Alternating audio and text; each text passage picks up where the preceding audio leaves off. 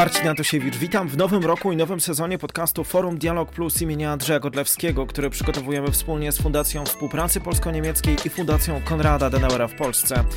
Od początku 2022 roku wszyscy patrzymy na granicę ukraińsko-rosyjską, obawiając się kolejnej agresji Rosji na Ukrainę i jej następstw dla nas wszystkich w Polsce i Europie. Wojskowi, politycy i dyplomaci są zgodni, że Ukraina potrzebuje międzynarodowego wsparcia i narodowej jedności. Dlatego w tym podcaście zajmiemy się tym drugim sytuacją wewnętrzną na Ukrainie. Rozmawiam z Marcinem Święcickim, byłym prezydentem Warszawy, który co dopiero wrócił z Ukrainy, gdzie przez ponad dwa lata pełnił funkcję rzecznika praw przedsiębiorców. Ten biznesowy ombudsman działa na podstawie porozumienia między rządem ukraińskim a międzynarodowymi organizacjami finansowymi. W naszej rozmowie Marcin Święcicki mówi o stanie realizacji umowy stowarzyszeniowej z Unią Europejską. Osiem lat temu to wszystko zaczęło się od jej nagłego odrzucenia przez ówczesnego prezydenta Wiktora Janukowycza. Święcicki w ostatnich dwóch latach z bliska widział, jak reformuje się ukraińska gospodarka, administracja i wymiar sprawiedliwości, którego reforma właśnie teraz wywołuje ogromne emocje.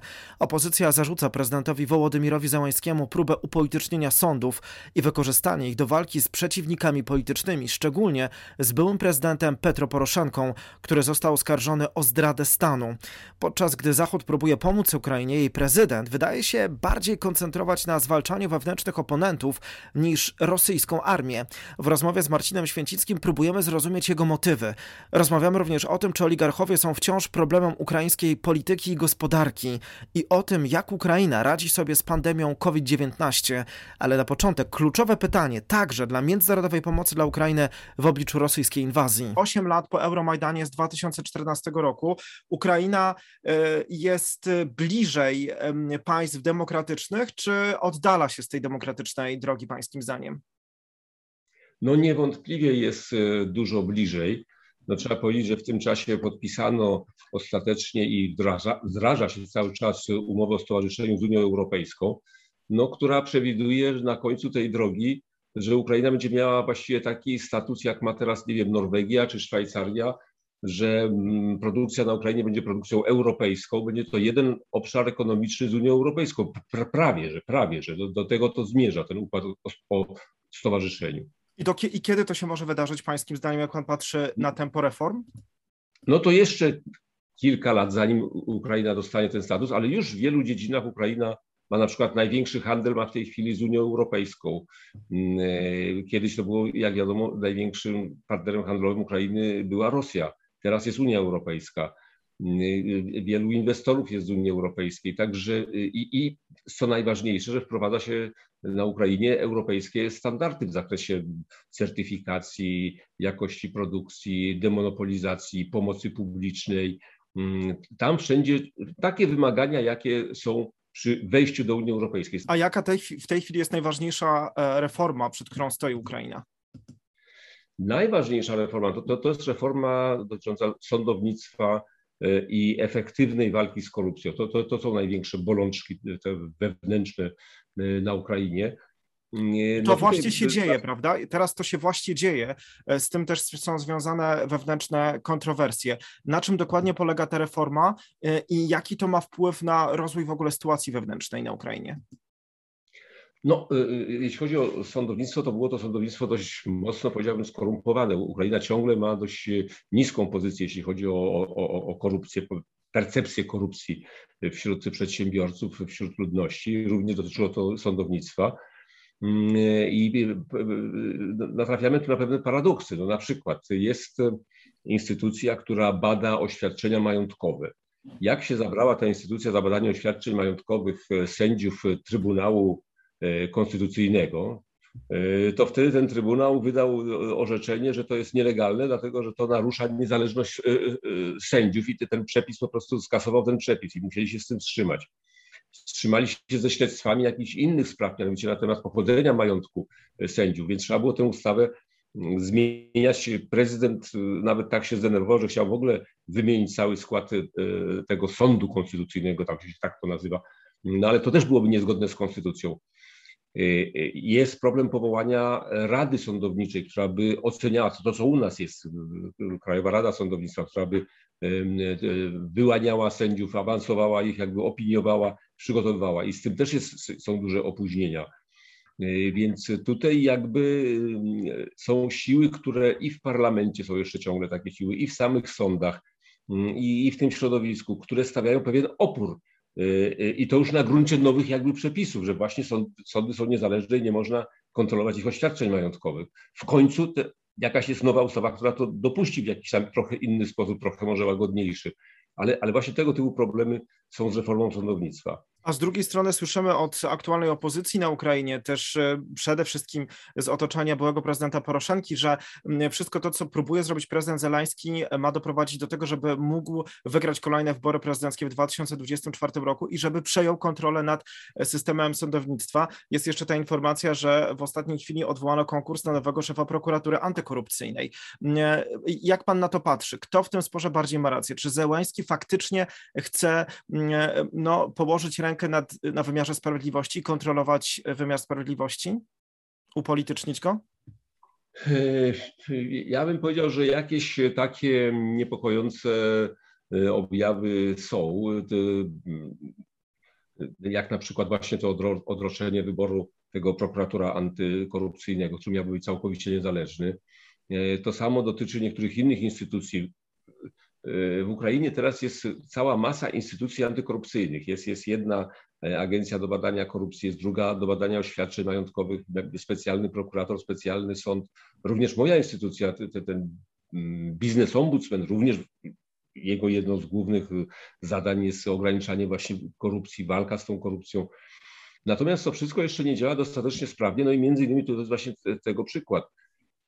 Na ile tutaj te hmm, podejrzenia czy te oskarżenia, na ile one są wiarygodne, no, trudno mi do końca tutaj się wypowiedzieć, hmm, ale lepiej byłoby oczywiście, gdyby ten proces jednak przebiegł sprawnie. On jest zależny hmm, od deputowanych, którzy są w tej rządzącej większości, więc y, i niestety ten obóz też są tam podziały wewnątrz tej grupy Żeleńskiego. Nie wszyscy popierają te, te reformy, albo niektóre z tych reform.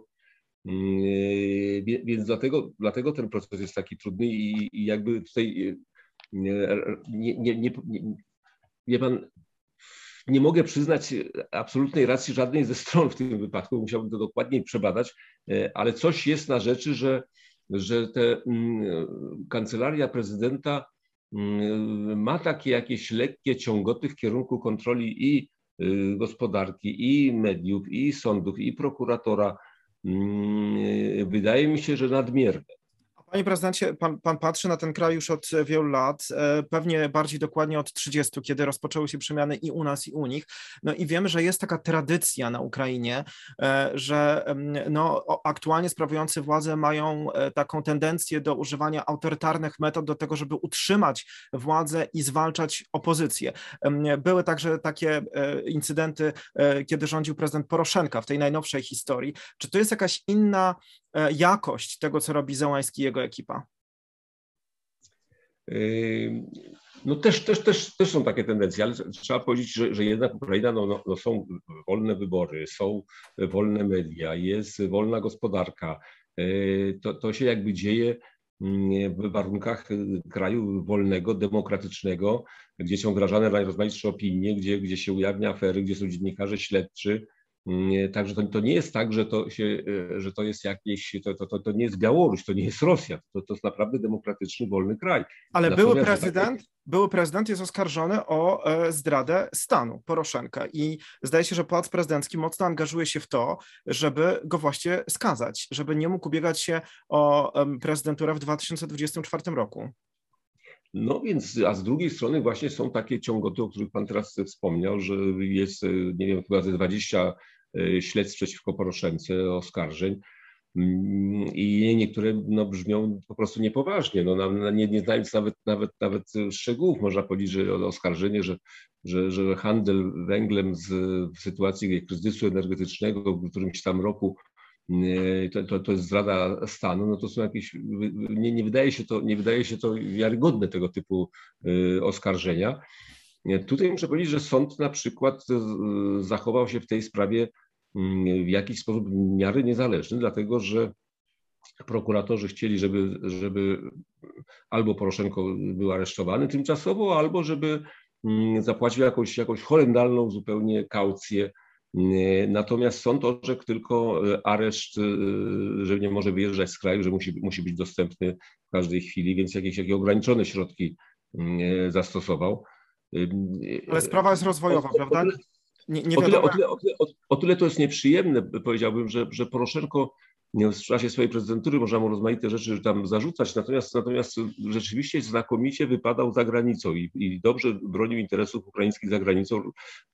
Faktycznie miał dobry kontakt z przywódcami Zachodu mm, w tym czasie i kiedy przegrał te wybory, do, do, dość przegrał, dość, dość mocno przegrał, trzeba powiedzieć, to jednak oferował nowemu prezydentowi, oferował Zeleńskiemu y, pomoc w sprawach zagranicznych, swojej usługi, był do dyspozycji i Zeleński z tego nie skorzystał. Jakieś powiedziałbym, personalne takie mm, animozja, czy tutaj zadziałała chyba, y, y, że, że odrzucił tego rodzaju pomoc, a, a, w tej sytuacji, w jakiej jest Ukraina, no jednak powinno się łączyć te siły proeuropejskie, prozachodnie, bo jednocześnie jest tam Przecież są siły również prorosyjskie, one są w mniejszości, ale są bardzo aktywne, wspierane przez Rosję, więc dlatego te siły proeuropejskie, prozachodnie powinny raczej tam, gdzie można występować razem. I akurat w polityce zagranicznej to by się bardzo przydało.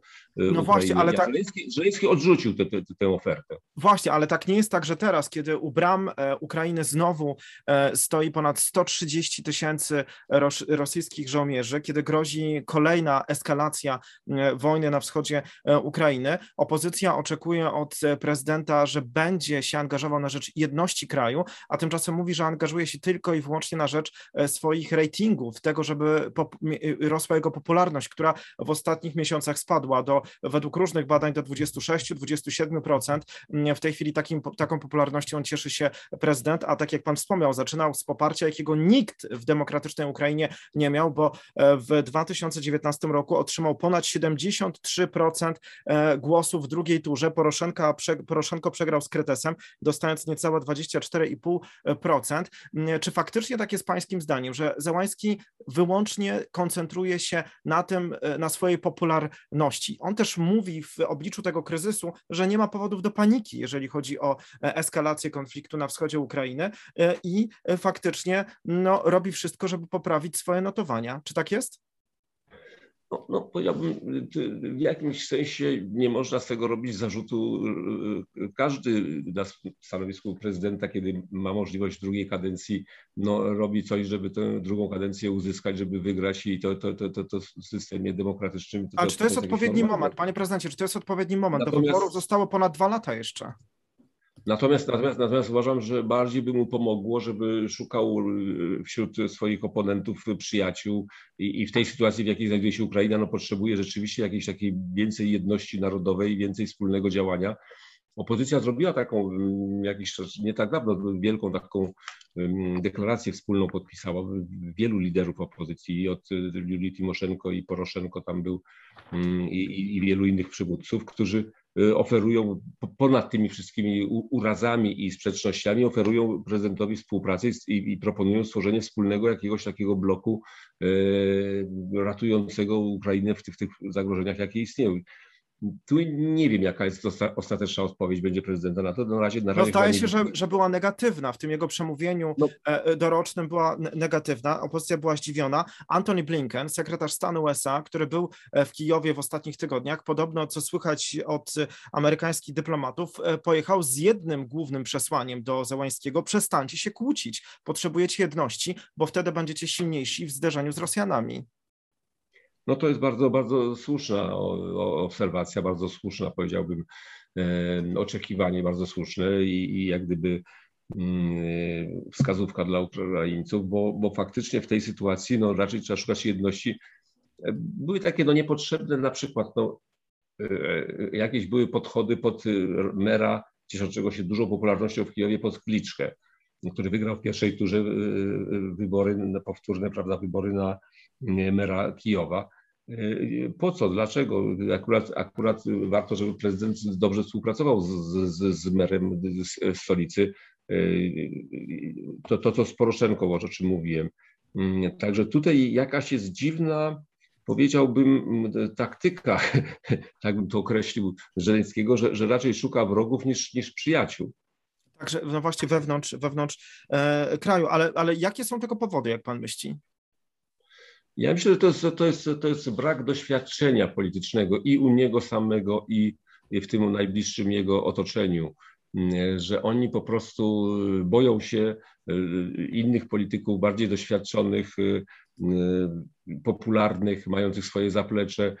Jakiś jest brak takiej umiejętności pozyskania ich sobie, czy zneutralizowania, czy, czy, czy, czy, czy zrobienia frontu jedności narodowej w sytuacji tego olbrzymiego zagrożenia, w jakim znajduje się Ukraina.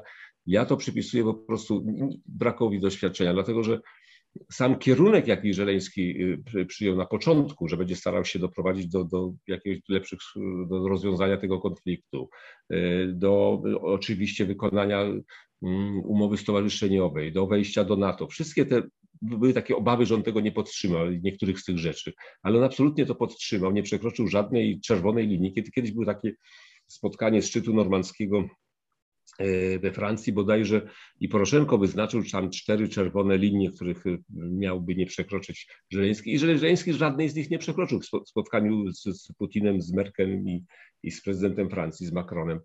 Mm, no tak, ale często słyszymy ze strony opozycji, liderów opozycji, ale ja też przed naszą rozmową rozmawiałem z, ze znajomymi z NGO-sów, którzy angażują się na rzecz e, no, e, walki z korupcją i mówią, e, to, to właśnie to jest to, co, co słychać, że być może prezydent jest w rękach jakichś rosyjskich agentów, którzy podpowiadają mu, żeby właśnie zachował się tak, a nie inaczej. Mm, parlament zdaje się właśnie w tych ostatnich dniach, kiedy są tak gorące, miał najdłuższą przerwę w swoich obradach w ogóle w najnowszej historii Ukrainy. Czy pan także e, uważa, czy to jest tak, to po prostu jest do kanonu opozycji należy e, w tej części świata, że się mówi o swoich przeciwnikach politycznych, że jest w rękach Rosjan albo że jest rosyjskim agentem? Czy faktycznie coś może być na rzeczy, że Rosjanie, jak wiem, zresztą on także to mówił, są zainteresowani zmianą reżimu, że faktycznie wokół Zełańskiego mogą działać rosyjscy agenci?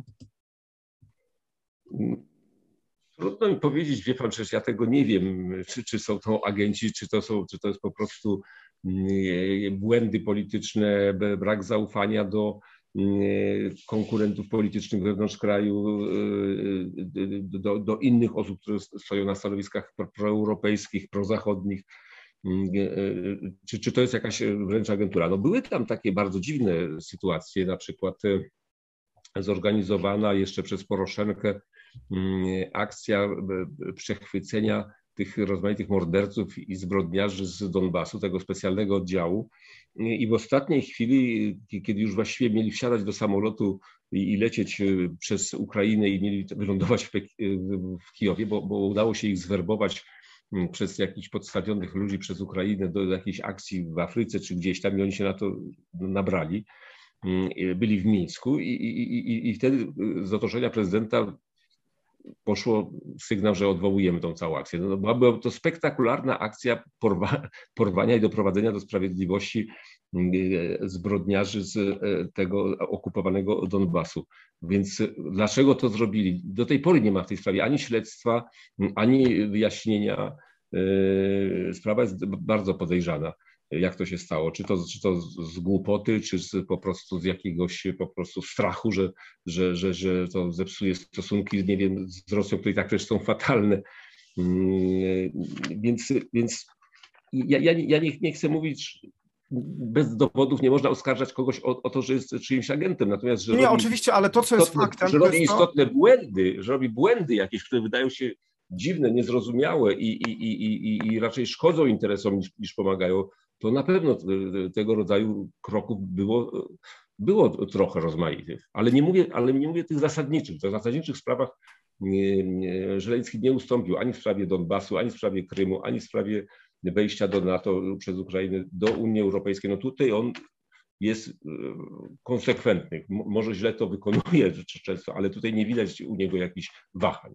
Tak, ale to, co jest faktem, no nie wiemy tego, czy faktycznie tak jest, ale to, co jest faktem, to jest to, że opozycja podnosi to e, i działacze wielu organizacji pozarządowych, ten, ten aspekt właśnie w debacie publicznej, że być może jest w rękach rosyjskich agentów i nie wiadomo właściwie na rzecz e, kogo działa. Słuchać od rosyjskich dziennikarzy, e, że w ramach mediów, które, które są jakoś współfinansowane przez państwo, słychać, że można krytykować Putina w tych mediach, ale nie można krytykować Rosji, żeby na to bardzo zwracać uwagę, że e, Rosja nie jest zagrożeniem, Rosjanie są przyjaciółmi, ale Putin i jego polityka jest zła i że to są wskazówki, które wychodzą z Pałacu Prezydenckiego. No, wie pan, krytyka Putina, to u nas też się mówi, że nie, nie, nie, nie zwalczamy Rosjan, tylko zwalczamy rosyjski imperializm w wydaniu Putina. No i że każdy chciałby w Europie mieć dobre stosunki z, z, z narodem rosyjskim, e, natomiast nie możemy się zgodzić na ich neoimperialne e, dążenia i agresję i okupację, łamanie traktatów międzynarodowych. No, także, także tutaj jakby no nie, nie, jak, mi się wydaje, nie, nie można nie, to jest jasne, panie prezydencie, to jest oczywiście jasne, tylko dziennikarze nie są politykami, że dzisiaj Rosja to jest Władimir Putin.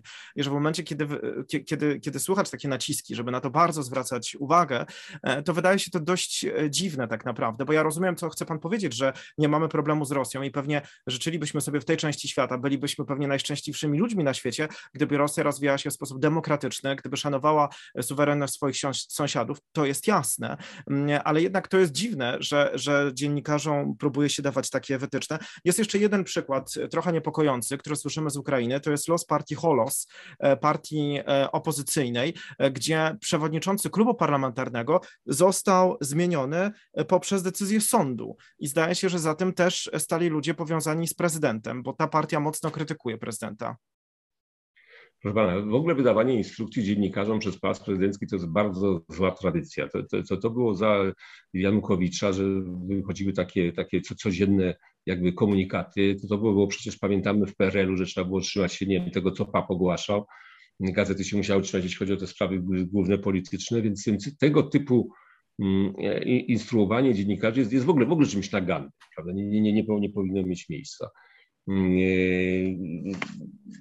Także mm, z tym hołosem, nie, nie, jeśli ten sąd działał pod wpływem jakimś politycznym, też, też niedobrze. Jeśli prokurator działa generalnie pod wpływem politycznym, też to jest niedobrze. Te, te, te 20 rozmaitych oskarżeń pod adresem Poroszenki, w tym ostatnie o, o zdradę stanu. Więc y, zgadzam się, że, to, że, że wiele rzeczy się dzieje, których lepiej, żeby, żeby się nie działy i one budzą zdziwienie czy budzą sprzeciw i ja tutaj absolutnie rozumiem te organizacje pozarządowe, które się temu sprzeciwiają. Y, tylko jedyną rzecz, na którą zwracam uwagę, że, że, że, że Szam Żeleński no jednak y, mm, jest politykiem, który chce rzeczywiście Ukrainę widzieć w tym obozie zachodnim, w NATO i w Unii Europejskiej. Moim zdaniem co do tego chyba nie ma jakichś wątpliwości takich zasadniczych. Sposób wykonania tego, kontrolowania wszystkiego, no, to budzi sprzeciw. No właśnie, bo, bo chcę, bo zaraz o tych dużych celach porozmawiamy, ale też są te konkrety. Przez te konkrety można też e, wiele zobaczyć tak, e, tak naprawdę, w którą stronę e, chce rozwijać kraj prezydent, bo jeszcze jest ten jego pomysł, żeby następne wybory prezydenckie w 2024 roku odbyły się już w sposób elektroniczny, żeby doszło do elektronicznego głosowania w wyborach. I tutaj patrząc na to, co się dzieje, jeżeli chodzi także o cyberprzestrzeń, to opozycja i wiele organizacji mówi, że to jest po prostu ogromne zagrożenie zagrożenie do tego, żeby nastąpił atak i właściwie e, można było podważać takie wybory, dlatego że Ukraina, bo właściwie żaden kraj dzisiaj na świecie nie jest w stanie przeprowadzić takiej operacji e, cybernetycznej. Jak pan na to patrzy? Czy to jest, czy na ten pomysł, żeby wybory odbywały się elektronicznie na Ukrainie w 2024 roku? Można było głosować przez internet. E, proszę pana, no nie jestem tutaj może ekspertem, ale wydaje mi się, że wybory powinny być przeprowadzone tak, żeby żadna ze stron nie miała wątpliwości co do ich rzetelności i, i uczciwości i, i, i, braku manipulacji. Więc jeśli są takie obawy, to oczywiście nie powinno się takiego systemu wybierać, gdzie, gdzie część wyborców, część partii politycznych, część sił politycznych będzie przekonana, że to jest e, nie wiarygodny sposób wybierania i zbyt ryzykowny. Powinno się robić wybory w taki sposób, żeby, żeby, żeby jednak to jak najwięcej ludzi było, wyborców przekonanych, że wybory są rzetelne i uczciwe, więc, jeśli są takie obawy, to, to, to ja bym takich wyborów nie robił oczywiście elektronicznych. Ale czy pan uważa, że Ukraina dzisiaj na swoim etapie rozwoju jest w stanie przeprowadzić takie wybory elektroniczne w sposób bezpieczny? Tego nie wiem akurat, bo wiemy, jak, jak, jakie są włamania, jakie są cyberataki, jak, jak co chwila słyszymy, a to, a to byłby niezły kąsek dla, dla jakiejś e, Rosji, I, i, że robi to Rosja, prawda? Rosja jest tutaj e, jednym z głównych sprawców tych rozmaitych włamań, przecież włamywali się i robili y, wybory nawet w Stanach Zjednoczonych. Y, udało im się wpływać na, na wybory Trumpa. Są na to już to, to wręcz udowodnione, że, że, oni, że oni w tym uczestniczyli, więc, więc to rzeczywiście byłby krok bardzo, bardzo e, chyba jednak ryzykowny w sytuacji Ukrainy, bo, bo, bo tutaj by stanęli pewnie w Moskwie na głowie, żeby e, coś tam sfałszować, coś tam unieważnić, coś tam przekręcić, żeby te wybory wypadły po ich myśli.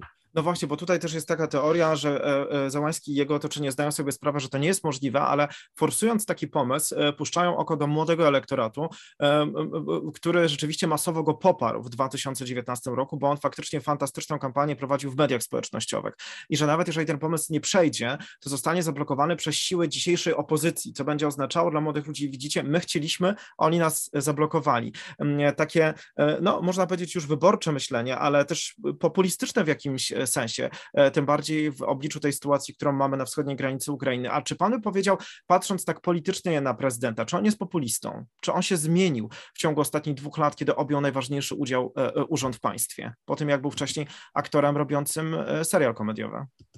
Jeszcze tylko jedno słowo o, o tej elektronice otóż i tych młodych ludziach. Otóż ja zauważyłem, że w Kijowie na przykład no, y, dużo więcej ludzi w dzielnicy, w której akurat ja mieszkałem, na, na Podolu, w dzielnicy uniwersyteckiej, że, że młodzi ludzie płacili tam telefonami, że, że nie używają już gotówki, tylko płacą telefonem. Y, więc oni są jakby wdrożeni do, do nowoczesności. Y, natomiast czy on jest populistą? No, w, mm, to, to, Trudno powiedzieć, trochę, trochę może jest populistą, ale, ale no nie wprowadza jakichś takich rzeczy, jak nie wiem, kontrola cen, czy jakieś tego typu populistyczne, czy jakieś rozdawnictwo pieniędzy na masową skalę. Inflacja jest pod kontrolą. Bank Narodowy Ukraiński ma dopracowane dobre standardy. Polityka makroekonomiczna jest, te, te, te wszystkie makroekonomiczne równowagi są zachowywane i zadłużenia, i kursu waluty. Także tutaj nie, nie widzę jakichś takich wielkich populistycznych zamachów na, na funkcjonowanie e, makroekonomiczne e, kraju. E, to teraz wróćmy jeszcze do tej, o, do, do, tej dużej polityki, o której Pan mówił, że e, przy wszystkich e, uwagach to Zełański utrzymuje Ukrainę na kursie prozachodnim. Tutaj wydaje się, że, że, że, że, że, że tak jest i nie ma wielu krytyków takiej tezy. Jednym z takich dowodów na to, jestem ciekawa, jak Pan na to spojrzy, to też mówi bardzo wielu politologów, czy też polityków, dyplomatów z Ameryki, że w momencie, kiedy w lipcu ubiegłego roku administracja Joe Bidena podjęła decyzję, żeby jakoś się dogadywać w sprawie Nord Stream 2, żeby nie wprowadzać sankcji e, na firmy, które e, e, budują ten gazociąg. I w momencie, kiedy wysłano sygnał do niego samego i do Kijowa, żeby po prostu siedzieć cicho, to Załański nie siedział cicho, pojechał do Waszyngtonu i rozmawiał także z kongresem, który wtedy miał inne stanowisko, jeżeli chodzi o Nord Stream 2 i że była to taka pozycja Załańskiego odważna i też bardzo prozachodnia de facto w interesie E, no właśnie miejsca Ukrainy w Europie Zachodniej e, i e, w ogóle może w przyszłości także w NATO. Czy pan także na to patrzy, że w tych takich właśnie dużych sprawach, już pan to powiedział, ale z czego to u niego, u niego wynika? Jakie jest to jego otoczenie, które robi mu tą dużą politykę? No bo tak jak pan mówi, to nie jest człowiek z dużym doświadczeniem. W tej polityce wewnętrznej odmówiliśmy te sprawy, zachowuje się tak, a nie inaczej. A z czego u niego wynika to, że w tych dużych sprawach no, cały czas trzyma Ukrainę na kursie prozachodnim?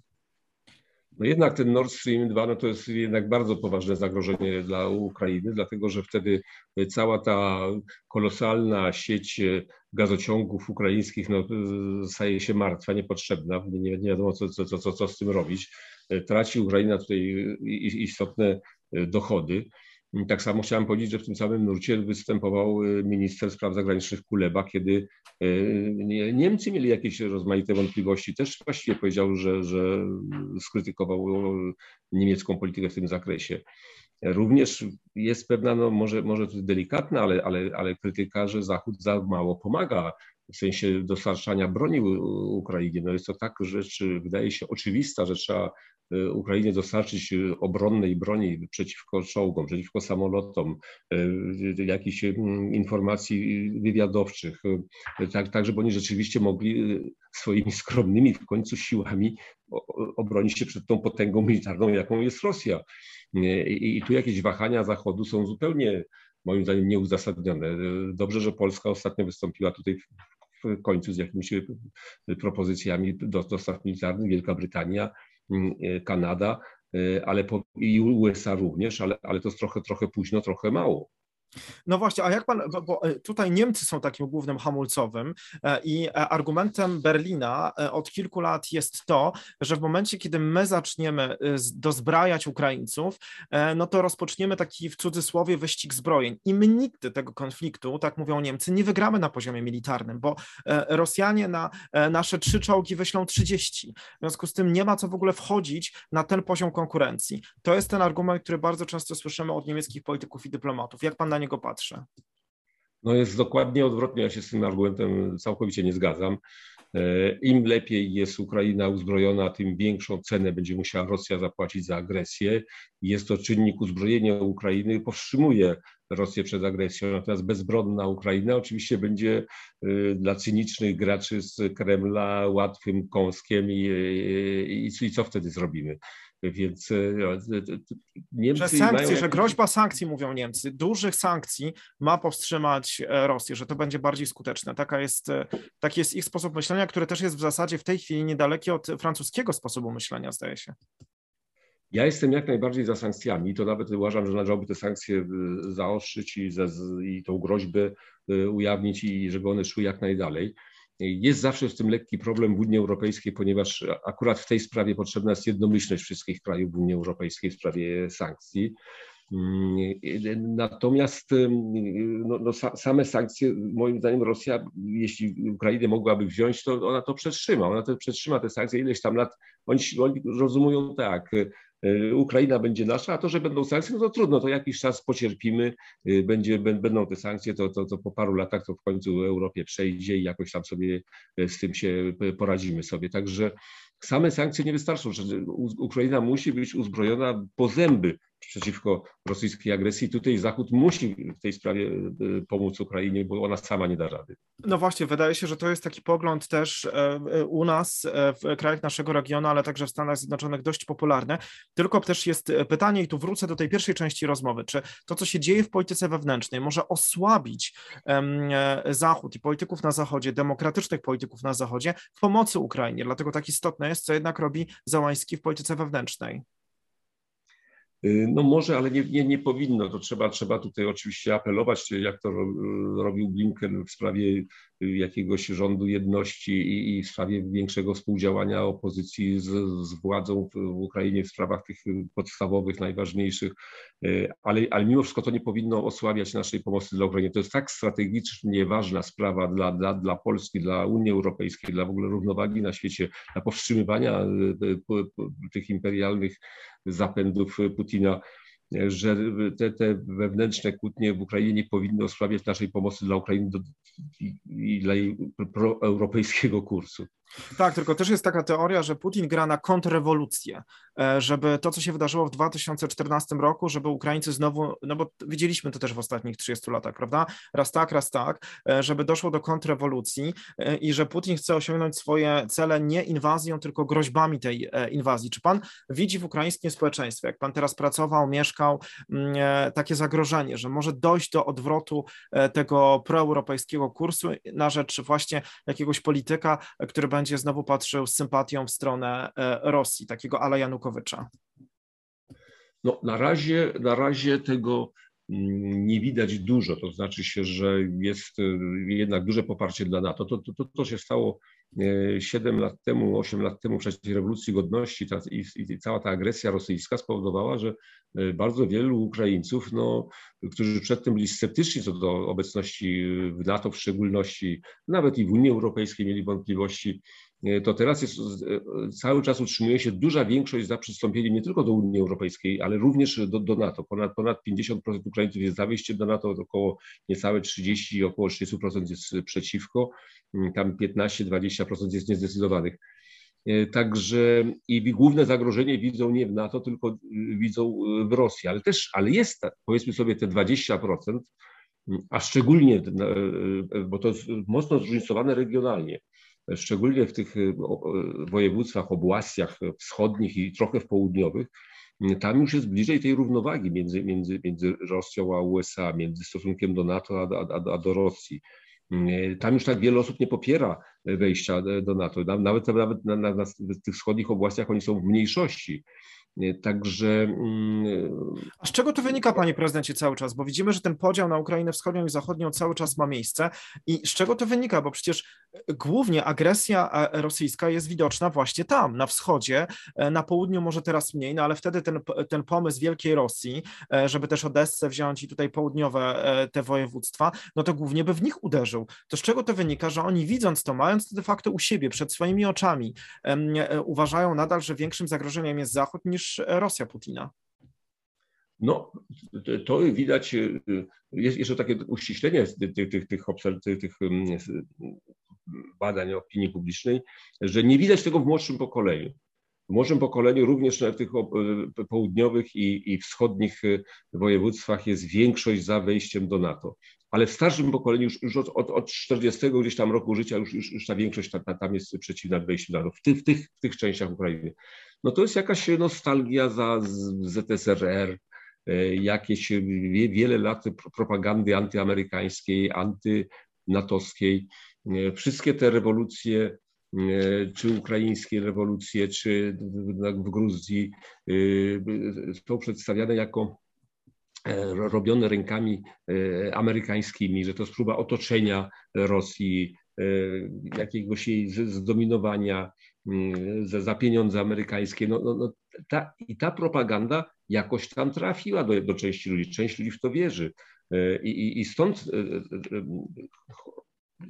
takie poparcie, jest tam słabsze poparcie dla, dla, dla NATO w tych regionach Ukrainy, ale to jest cały czas mniejszość, także tutaj jeśli by, jeśli by Rosja na to grała, zresztą, zresztą ona na to, zagrała na to w Donbasie, Dokładnie tak zrobiono. Właśnie tych separatystów pomogli im, wysłali swoje wojska, ale mieli tam również lokalne poparcie wśród takich tego typu separatystów, którzy, którzy y, rzeczywiście uwierzyli, że, że w Kijowie są jacyś, nie wiem, neofaszyści, y, którzy nie wiadomo tam czego chcą.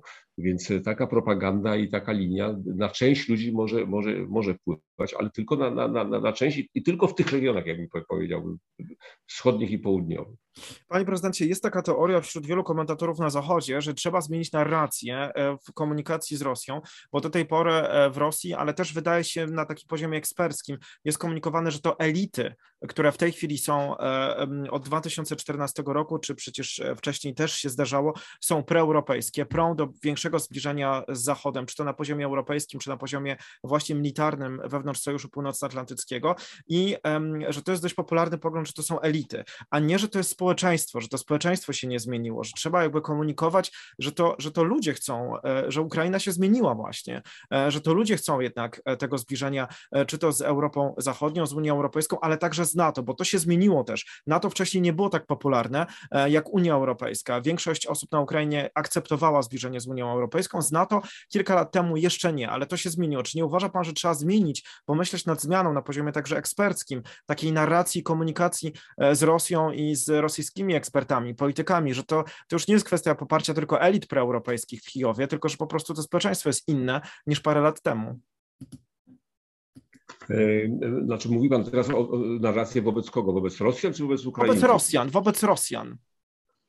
No wobec, wobec, wobec Rosjan, no, no, nie wiem jak tę narrację, tę narrację prowadzić, ale, ale na pewno taka narracja jest, jest bardzo potrzebna, bo, bo jednak y, y, propaganda putinowska, ona, ona działa na Rosjan. No, spójrzmy na to, że nawet, nawet Nawalny mm, i nawet istotna część tej opozycji rosyjskiej, teraz tak stłumionej zmarginalizowanej, siedzącej w więzieniach i rozpędzonej właściwie, zdelegalizowanej, mm, nawet wśród nich wielu popierało aneksję Krymu, że właściwie Krym to zawsze był rosyjski, to, to, to właściwie no, Ukraina powinna go oddać. No, nic takiego, że się, się, się nie stało, więc i, a, i również widzą zagrożenie w NATO, więc ja się zgadzam, że jeśli chodzi o, o młodzież, o jakieś inne możliwości, czy wymiany, czy mm, oddziaływanie na, na rosyjskie społeczeństwo należy tu wszystkie środki wykorzystać po to, żeby Putin nie miał w tym zakresie takiego poparcia, jakie, jakie, jakie niestety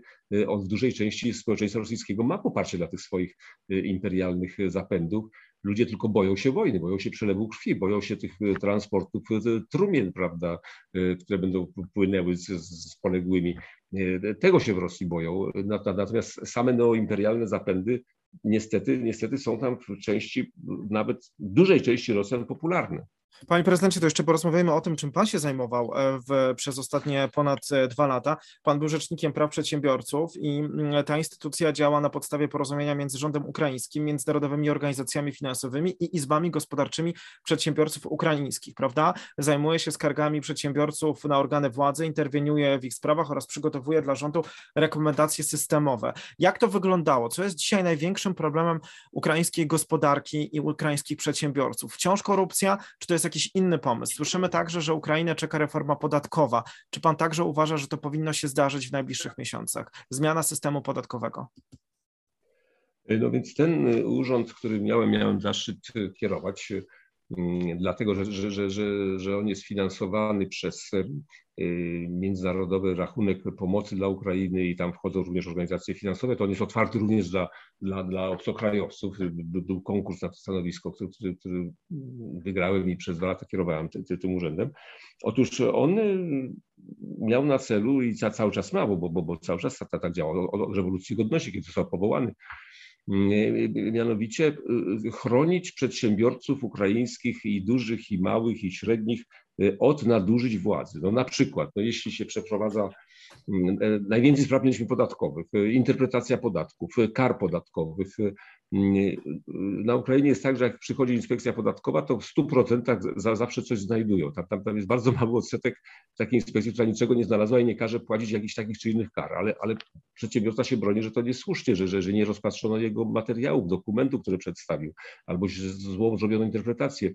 I wtedy prawnicy z, z, z tego mojego biura, jak, jak przyjdzie taka skarga, no sprawdzają, czy rzeczywiście urząd ma rację, czy biznesmen ma rację. I w bardzo wielu przypadkach udało nam się tych biznesmenów obronić w sprawach podatkowych, w sprawach organów y, y, policyjnych czy prokuratury, która dostaje, jest, jest to już ucywilizowany w sensie prawnym w Ukrainie, że on może działać tylko zgodnie z poleceniem sędziego śledczego w zakresie, jakim sędzia śledczy udzielił, no ale on przekraczają te uprawnienia, rekwirują materiały, których nie powinni rekwirować, nie oddają tego e, po terminie, kiedy należałoby to oddać.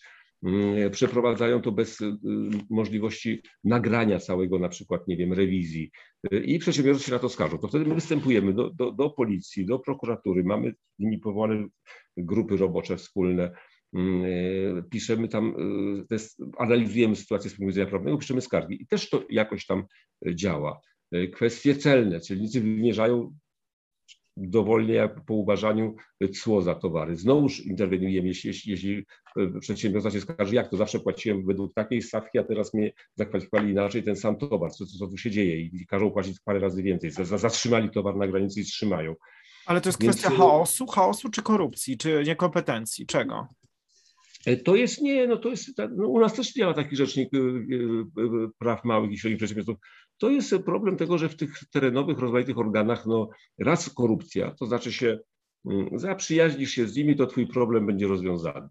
E, e, dwa, władza chce pokazać, prawda, co ona, co ona może i że ona tutaj rządzi, ta lokalna, więc tego typu rzeczy. Natomiast muszę powiedzieć, że, że, że współpraca tego rzecznika mm, praw przedsiębiorców na Ukrainie z centralnymi organami jest poprawna, jest w porządku. To, to znaczy się, że i prokurator generalny, i y, szef służby podatkowej, y, i Ministerstwo Sprawiedliwości, i szefowie policji z nami normalnie współpracują, rozpatrują takie sprawy. Nie, nie zawsze przyznają nam rację, to, to, to, to, się, to, się, to się oczywiście zdarza, ale wiele spraw, bardzo wiele spraw udaje się załatwić, dziesiątki spraw udaje się załatwić i, i pomóc przedsiębiorcom z punktu widzenia właśnie prawa ukraińskiego, bo prawo ukraińskie chroni ich interesy, tylko nie jest przestrzegane przez tych szeregowych, liniowych urzędników. No właśnie, widzi pan, że to jest kwestia właśnie prawa, przepisów, czy to jest kwestia ich wykonywania? Gdzie tutaj jest większy problem?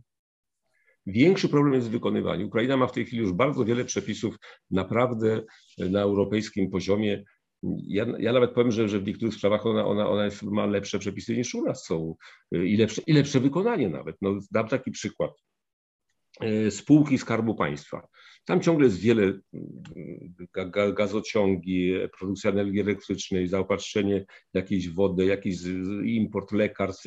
Wiele jest firm, no, no kolej żelazna oczywiście. Mm, wiele jest firm, które są wielkimi jakimiś gigantycznymi firmami państwowymi i tam e, e, nie ma mowy, żeby jakiś tam kuzyn, czy znajomek, czy działacz partyjny zajął miejsce w Radzie Nadzorczej. E, na, na każde miejsce w Radzie Nadzorczej jest, jest, odbywa się otwarty konkurs. Prowadzi to firma headhunterska, która pierwsza rozpatruje tych kandydatów i przygotowuje e, short listę tak zwaną, czyli to, to, to, to, kilku kandydatów do wyboru. Potem jest komitet nominacyjny, którego też miałem zaszczyt być członkiem z głosem doradczym. E, decydowali ukraińscy członkowie tego komitetu, albo kilku obcokrajowców miało tam głos doradczy. I rzeczywiście, rzeczywiście wybiera się tam ludzi Y, y, najlepszych do tych rad nadzorczych y, firm państwowych. Zdarzają się jakieś wpadki, zdarzają się, że, że, że, że, że nie wiem, jest zawieszona Rada Nadzorcza przez Radę Ministrów, jakieś, albo nie ma jakichś tam kompetencji, więc są, są, są tam pewne tarcia, pewne problemy się pojawiają cały czas, ale cały system naboru osób do rad nadzorczych firm państwowych na Ukrainie działa lepiej niż to, się, to, to co widzimy, co się dzieje teraz w Polsce. Mhm. E, a jeżeli chodzi o, o tą współpracę, o której Pan powiedział z organami centralnymi, e, to oni podchodzą do tego tak poprzez właśnie załatwienie jakichś jednostkowych e, spraw, czy starają się dokonywać jakichś zmian systemowych? Czy to jest na zasadzie, OK, informujecie nam o czymś, to my się zajmiemy, czymś rozwiążemy ten przykład tego przedsiębiorcy, problem tego przedsiębiorcy, ale systemowo do tego nie podchodzimy. Jak, jak wygląda to technicznie, ta współpraca Rzecznika Praw Przedsiębiorców? Przedsiębiorców z organami centralnymi? Technicznie to wygląda w ten sposób, że, że, że mamy podpisane 12 e, porozumień z tymi, e, tymi organami, z 12 organami centralnymi, cło, podatki, sprawiedliwość, policja, już mówiłem o tym, ochrona środowiska, e, I nie tylko trafiają tam te najtrudniejsze sprawy jakieś indywidualne, których nie udało się rozwiązać na szczeblu lokalnym, ale również sprawy systemowe. Na podstawie tych doświadczeń, które gromadzimy, w sumie ten, ten Rzecznik Praw od, od, od początku swojego istnienia, od, od 2015 roku rozpatrzył ponad 10 tysięcy indywidualnych spraw. A to jest duże biuro? To jest duże biuro, panie prezydencie. Ile osób e, miał pan? Pracuje 30 osób, w tym, tym, tym 20 to są, to są prawnicy ukraińscy prawnicy, a, reszta to, to, to, to jest jakiś personel prawda, pomocniczy obsługujący informatyka, media, dokumentacja, no, sekretarki, tego typu rzeczy. E, e, I oprócz indywidualnych skarg również szykujemy raz na pół roku raport systemowy dotyczący nie samej polityki gospodarczej, czy wysoko, czy nisko podatkować, ale samych przepisów, gdzie, gdzie one są niespójne, gdzie one są sprzeczne, gdzie czegoś brakuje, gdzie można coś uprościć. I takich raportów żeśmy przygotowali już kilkanaście, 17 takich raportów zostało przygotowanych. Y, y, y, monitorujemy wdrażanie tych naszych rekomendacji. Tam jest, tam jest kilkaset rekomendacji zawartych. No, mm, do tej pory około 30% zostało wdrożonych, nie, nie, nie tak bardzo wiele mm, można powiedzieć, ale niektóre naprawdę bardzo ważne. Kwestia zwrotu VAT-u automatycznego, bo tego nie było na Ukrainie. Kwestia jakichś nalotów na przedsiębiorców też robiono, jak, jak grupy terrorystyczne na, na, na, na nich nachodziły. Kwestia odwołań, y, ponieważ nie było w systemie, w niektórych y, sprawach nie można było się odwołać od decyzji, więc żeby był normalny system odwołania, y, dostępu do dokumentów, możliwości rejestracji tych wszystkich inspekcji. Więc bardzo wiele rzeczy udało nam się załatwić. Czyli poprawa przepisów w otoczeniu biznesu. I, I, te władze centralne są otwarte na nasze propozycje. Ja, ja bym tutaj życzył, żeby, żeby było wdrożonych więcej niż 30%, żeby było no powiedzmy 50% tych naszych rekomendacji wdrożonych. Mm, ale to nie jest tak, że, że tam się nic nie dzieje. Owszem, dzieje się i, i, jakiś postęp jest cały czas. E, domyślam się, proszę mi poprawić, jeżeli się mylę, że Rzecznik Praw Przedsiębiorców na Ukrainie głównie zajmuje się mniejszym biznesem i mniejszymi przedsiębiorcami. To nie są pewnie jacyś giganci, duże przedsiębiorstwa. Dlatego chciałem zapytać, czy oligarchowie, którzy wcześniej byli problemem tego kraju. Wiele osób mówi, że dlatego Ukrainie się mniej udało po zmianach, mm, które nastąpiły po rozpadzie Związku Radzieckiego niż Polsce, dlatego że tam po prostu gospodarka trafiła w ręce oligarchów. Czy dzisiaj oni są problemem ukraińskiej gospodarki? No wśród tych spraw, które my rozpatrujemy, to, to 70 parę procent to jest mały i średni biznes i 20 parę procent to, to, to jest biznes y, ten, ten duży. Zdarzają nam się również skargi od, od, od wielkich kompanii, od, od, tej wielkiej huty w Krzywym Rogu, od, od jakiejś tam spółki DTK Achmetowa, od innych. No też się rozpatrujemy. My, my, my badamy, nie zajmujemy się polityką, to, to, biuro nie zajmuje się, bo ja już nie, nie, zajmuję się tym, ale to biuro nie zajmuje się Rzecznika Praw Przedsiębiorców, nie zajmuje się polityką, tylko zajmuje się zgodnością z ustawodawstwem, z, z legislacją ukraińską, czy działania władz są zgodne, czy niezgodne. I wszystko czy duży, czy mały, czy, czy średni biznes, czy, czy z udziałem kapitału zagranicznego, czy czysto ukraiński. Ale większość rzeczywiście są małe i średnie przedsiębiorstwa.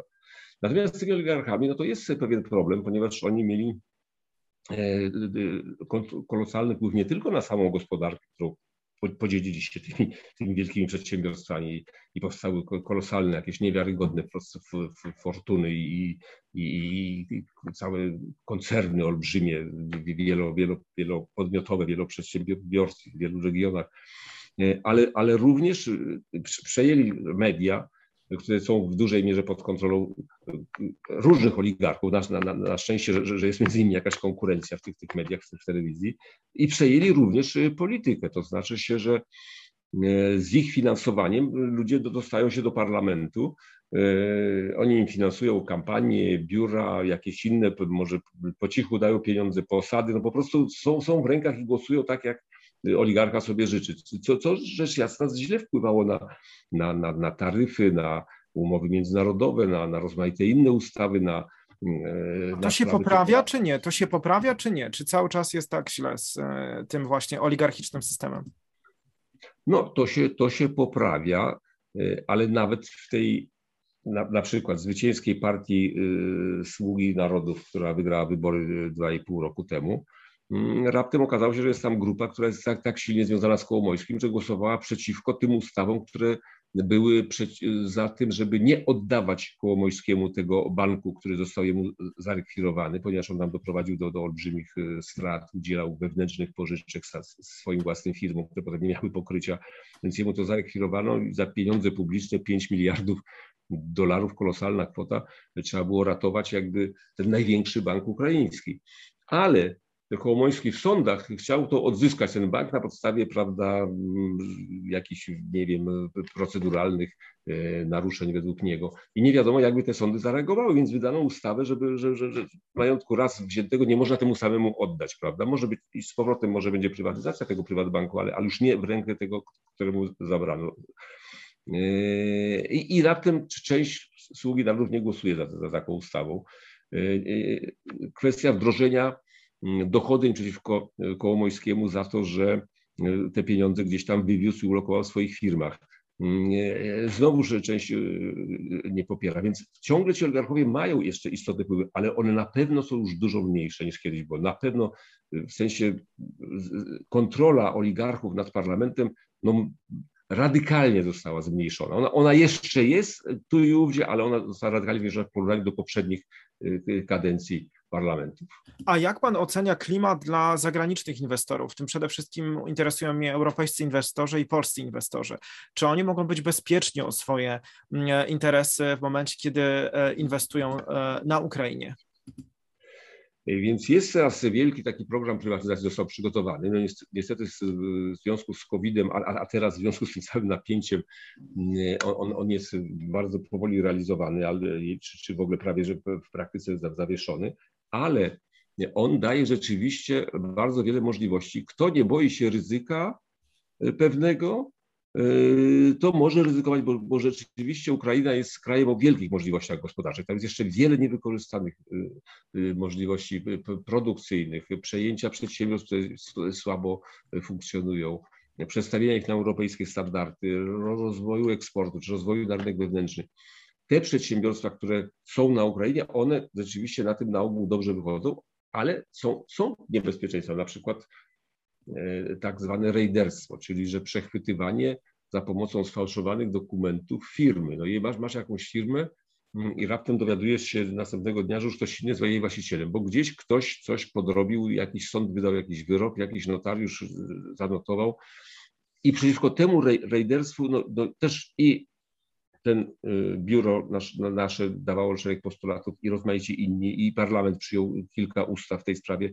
Także sprawa y, takiego niebezpieczeństwa, które wisi nad, nad każdym ministrem, że raptem y, znajdzie się w, w cudzych rękach i będzie musiał dopiero walczyć w, w sądach o odzyskanie swojego majątku, to niebezpieczeństwo jakby ono, ono, się, ono jest coraz mniejsze. Tutaj rejestry stają się otwarte, jest automatyczna informacja, co się zmienia w rejestrach. No, po prostu jest szereg kroków podjętych takich, żeby, żeby tego typu nadużycia e, e, ograniczyć. No oczywiście naj, najbardziej się ludzie boją, przypuszczam ci zagraniczni inwestorzy, to boją się tego, tego stanu potencjalnej wojny. Ale jak powiadam, kto nie boi się ryzyka, to może zrobić na Ukrainie inwestując tam, czy kupując przedsiębiorstwo, czy inwestując samemu, może zrobić naprawdę bardzo dobry interes. Kto, nie ryzykuje, ten szampana nie pije. Zdaje się, że oryginalnie to jest e, przysłowie właśnie z e, Ukrainy. E, a polski biznes, jak sobie radzi? Pan pewnie musiał bardzo uważać w czasie tych dwóch lat, żeby nie narazić się na jakikolwiek zarzut, że pan wspiera polski biznes, ale jak pan to obserwował, to jak sobie radzi polski biznes na Ukrainie? No jest to stowarzyszenie polskich biznesmenów. E, niektórych ja, ja już kiedyś poznałem ich kilkanaście lat temu, jak byłem na Ukrainie, to, to, to, to, też kontaktowałem się z tym stowarzyszeniem. Ono tam dobrze funkcjonuje mm, i, i, i radzi sobie całkiem dobrze. No, oprócz tego, że jest wielu Polaków, którzy mają własne biznesy, to również jest wielu Polaków, którzy służą i pracują w firmach zagranicznych, amerykańskich, czy brytyjskich, czy szwedzkich. Y, po prostu łatwiej jest im jest z językiem, łatwiej jest miejscowymi zwyczajami i są zatrudniani jako menadżerowie w tych e, firmach. Także jest tam cała, powiedziałbym, kolonia polskich biznesmenów e, na Ukrainie aktywnych, ale również chciałem powiedzieć, że, że istnieje bardzo potężna izba amerykańska, najpotężniejsza chyba, American Chamber of Commerce. I, i, i nawet oni się chlubią tym, że oni są największą izbą mm, amerykańską y, w Unii Europejskiej chyba, coś, coś, coś takiego, najwięcej mają, członków czy działalności, ba, ba, bardzo bogatą działalność. Jest szwedzka, jest brytyjska, jest y, y, turecka, są, także biznes zagraniczny jest, jest obecny na Ukrainie.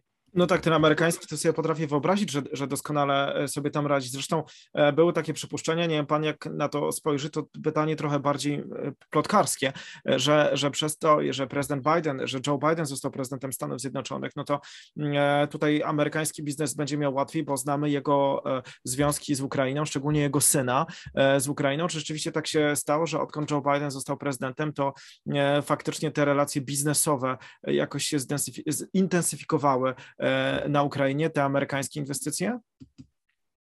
No mnie się nie wydaje, żeby to zależało od takiego jakiegoś jednostkowego biznesmena, nawet jeśli to jest syn prezydenta, dlatego że ta amerykańska izba, ona istnieje już od, od 20 y, przeszło lat. Oprócz tego istnieje jeszcze taka druga izba, ukraińsko-amerykańska, e, też ponad 20 lat, e, także te organizacje istniały dużo wcześniej i bardzo się rozwinęły, e, także tu akurat to, to nie, nie, moim zdaniem to nie miało istotnego wpływu. Panie prezydencie, pan był ponad dwa lata rzecznikiem praw przedsiębiorców jako obcokrajowiec. Była taka faza właśnie po 2014 roku, po drugiej rewolucji, że bardzo wielu cudzoziemców obejmowało jakieś urzędy na Ukrainie. Czy to nadal e, jest ten proces. Czy, czy tutaj sympatia do tego, żeby ludzie z zewnątrz zajmowali jakieś ważne stanowiska e, na Ukrainie zmalała?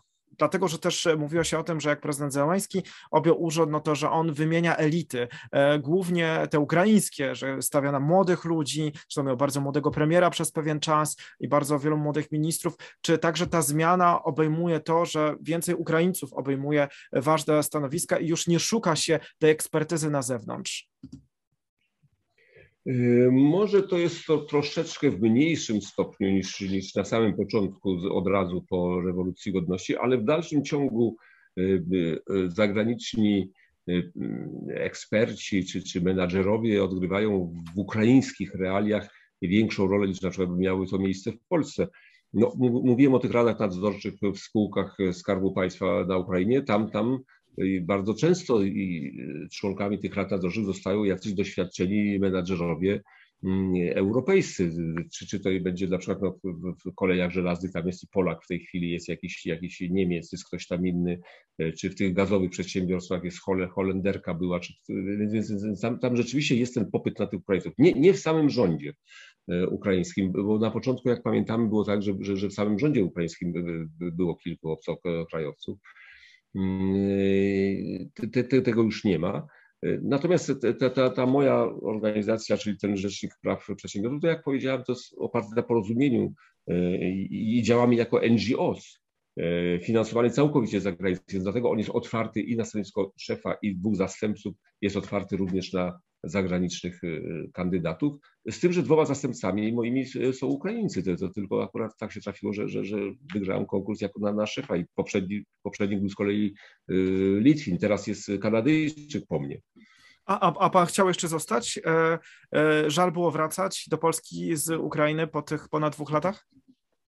No wie pan, na pewno jakoś ta praca mi się podobała i, i zrobiłem co mogłem, ale, ale no, miałem kontrakt na dwa lata, pracowałem jeszcze parę miesięcy dłużej e, i trzeba było ustąpić miejsca komuś innemu. Ale przyszedł bardzo dobry następca, to, to, to jest Ukrainiec z pochodzenia, E, Kanadyjczyk. Był ambasadorem Kanady w Kijowie przez 5 e, lat do, do 19 roku, więc, więc bardzo świeżo, zna wszystkich na Ukrainie.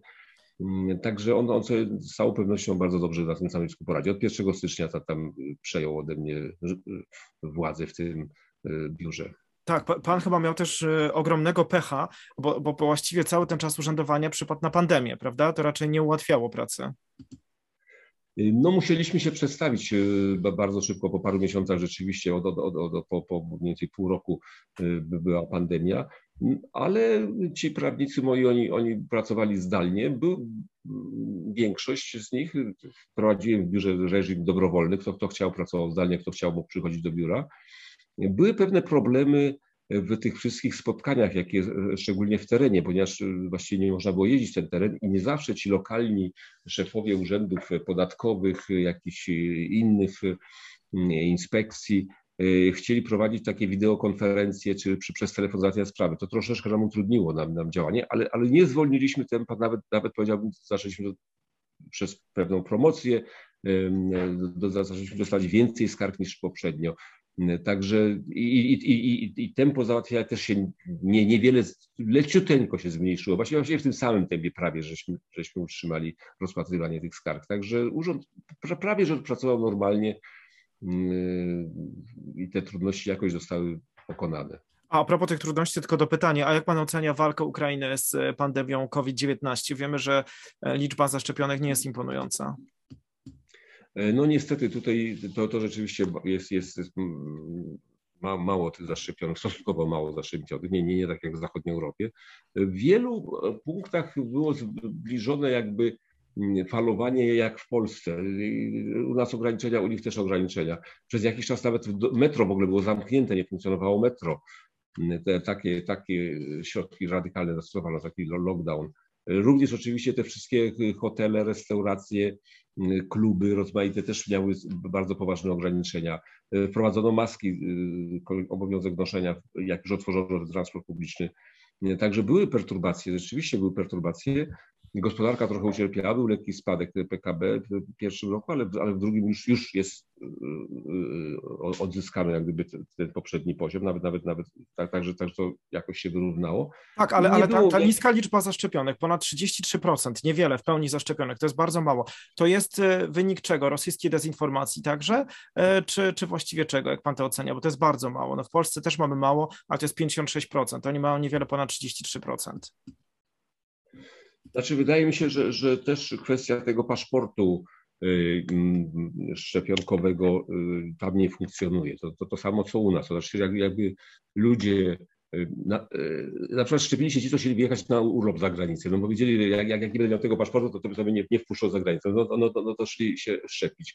Więc w Kijowie na przykład ten poziom wyszczepienia jest większy niż średnia w Ukrainie, znacznie większy. Także tam, gdzie ludność jest bardziej jakby świadoma, to, to, to idzie się szczepić. A tą ludność, powiedziałbym, która ma tyle wątpliwości, no to, no, to, no to jak nie ma jakiegoś przymusu, czy nie ma jakiejś nagrody za to w postaci tego paszportu, który ułatwia wejście gdzieś, a komu innemu się nie dopuszcza, to faktycznie ta motywacja jest za słaba. No, na, no nagroda jest obniżenie ryzyka ciężkiego przejścia, czy też śmierci na tę chorobę. Ludzie tego widocznie jakoś nie, nie, nie, nie rozumieją. Przecież to, to, to samo, że będzie u nas w Polsce. No, dlatego, że szczepienia były dostępne, one nie były może tak od razu dostępne tak jak, jak u nas troszkę, troszkę szło z, pewnym opóźnieniem, trochę później to się wszystko zaczęło i ma, ma, ma masowa dostępność tych szczepień, ale, ale kto chce, to się może zaszczepić. E, panie prezydencie, rozmawiamy godzinę i e, pan za każdym razem mówi w Ukrainie. E, wcześniej przed wjazdem też pan tak mówił. Pan zna tę dyskusję w Polsce prowadzoną przez Ukraińców, którzy pracują, mieszkają w Polsce, że Polacy powinni mówić w Ukrainie, a nie na Ukrainie. Jak pan na to patrzy? Już też tak pan mówił ponad dwa lata temu, czy dopiero teraz po powrocie pan zwraca na to uwagę? No, staram, się, staram, się, staram się mówić w Ukrainie, acz, acz, aczkolwiek y, dzisiaj przed tą naszą audycją oglądałem trochę takich Ukraińców żyjących w Polsce, ich blogów y, i oni y, po polsku, blog po polsku Ukrainek mieszkających w Polsce i one mówią na Ukrainie, więc, więc, więc no to ja jakoś staram się przestawić na mówienie w Ukrainie. A, czyli rozumie pan tę wrażliwą kwestię, że, że Ukraińcy uważają, że w momencie, kiedy Polacy mówią na Ukrainie, to traktujemy to jako, jako nasz były region, który chcemy znowu odzyskać, a w Ukrainie traktujemy ich jako pełne niezależne państwo. No tak, to, to, to, jest, to jest, ale też mówimy na przykład na, na, na, na Węgrzech czy na, na, na Słowacji, a tam, tam nigdy nie można nas podejrzewać, żebyśmy mieli jakieś aspiracje uzyskania czegokolwiek e, tam. Także muszę powiedzieć, niech się Ukraińcy nie boją, nie, naprawdę nie, nie, nie mamy zamiaru e, odzyskiwać jakichś terenów na Ukrainie. Nie, nie, nie ma takiej partii politycznej w Polsce, która by miała to w programie. E, I na koniec ostatnie pytanie, panie prezydencie, właściwie może teraz najważniejsze. Prezydent Załański mówi, jak powiedziałem, nie ma powodów do paniki, jeżeli chodzi o rosyjską, e, kolejną rosyjską inwazję e, w Ukrainie. Czy pan ma powody do paniki? Czy pan się obawia, że to się może wydarzyć? Czy mówi pan tak jak prezydent, właściwie nie trzeba panikować? No ja się, ja się obawiam, cały czas się obawiam, że, że, takie nagromadzenie tego wojska i cała ta propaganda wokół tego i bardzo niepokojący dla mnie był ten taki sygnał parę miesięcy temu, kiedy Putin opublikował artykuł pod swoim własnym imieniem i nazwiskiem, że właściwie cała historia e, bardzo dziękuję Panie Prezydencie za rozmowę.